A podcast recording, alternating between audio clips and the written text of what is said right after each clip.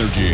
Hit music only. Hi and welcome. Hello, Please present yourself. my name is MNEK and I'm here at Energy.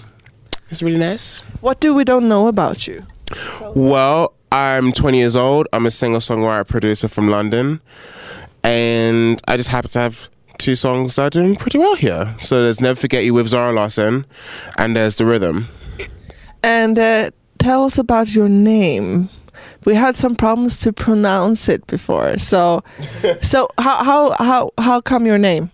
So MNEK is basically an abbreviation of my surname. And my surname is E M E N I K E, so that's like Eminike. That's how it's like pronounced. So it's the same way. Like it's funny because um, Ola made like a really good like observation. Basically, the way they say Boulevard, like B L V D, but it's Boulevard. Like that is kind of what my surname is. Like my stage name is MNEK. That's great. And Zara Larsson. So Never Forget You has been played a lot on Energy. How was it to meet her for the first time? It was great. We met back in March, and um, she's a total sweetheart. I I really enjoyed working with her on that song, and I ended up working with with her um, when I went back to London um, on some stuff for her album.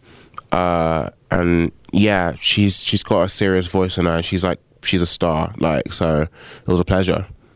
Yeah, and I know I read another interview with you, and uh, you reacted to the threatening emails that she's got. What do you think about that? I mean, many people praise her, but many people also, you know, really hate her. Which is, you know, how? What do you think about all that hate that she gets? I think a lot of it stems from the fact that she kind of she's got a very mature head. You know what I mean? Like she's very she's very mature for 17. But I think a lot of the backlash comes from the fact that she is 17 and she does you know, a feel like rec- like reckless stuff and it's cool. It's, it's great. I I I'm personally but like, you know, some of them are a bit like, "Whoa," but she's doing her thing and she, you know, she's I, I can't hate. I think she's she's great. And like even with the, like, the nipple thing, you know, like her on the bed with the towel. I, I saw that and I was a bit concerned, but then I was I kind of joined in because I thought it was funny. I just got like I did like this tweet where like because I had a picture of myself in bed where I was like the the, the duvet was like here. And I was like, oh yeah, I have my nipple out too. We're like nipple buddies. Nipple buddies. That's the best hashtag, I think. 2016 new hashtag nipple buddies. We do that after the cameras. We do a nipple buddy photo. All right. And I mean, but you're also mature. You're 20. Mm. You're about to be 21, right? Yeah. Yeah. November. November. Yeah, yeah. Yeah. And but you started when you were 9. How come? I started producing when I was nine. I started writing when I was eight. It was mostly because it was just like I, I didn't want to learn how to ride a bike. I didn't want to learn how to like do like normal kid stuff. I wanted to just like do music. That was always something I wanted to do, and it's something I just stuck with for the- the rest of my years. So you do do you know how to ride a bike now? No. You don't know how to ride a bike? I never kind of I, I never used the energy to to learn how to ride a bike.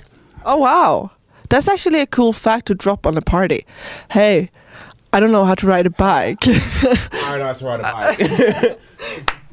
Brownie points. but so okay, so you but you work with Madonna, and uh, how was it just like natural for you to start to do music that early? I mean, when you when I see an eight-year-old kid produce music, how does that look like? I mean, I don't know. It's like I just kind of was in my my parent. It's definitely not Twinkle Twinkle Little Star, but it was. I kind of. It was just me and my parents' garage. Like it was me and my brother. We just create music, and it was really fun. It was innocent. You know what I mean? I had. I still have no other kind of like um, agenda for my music other than to just make the best music I can, even from then till now. So I always want to keep that. That's great.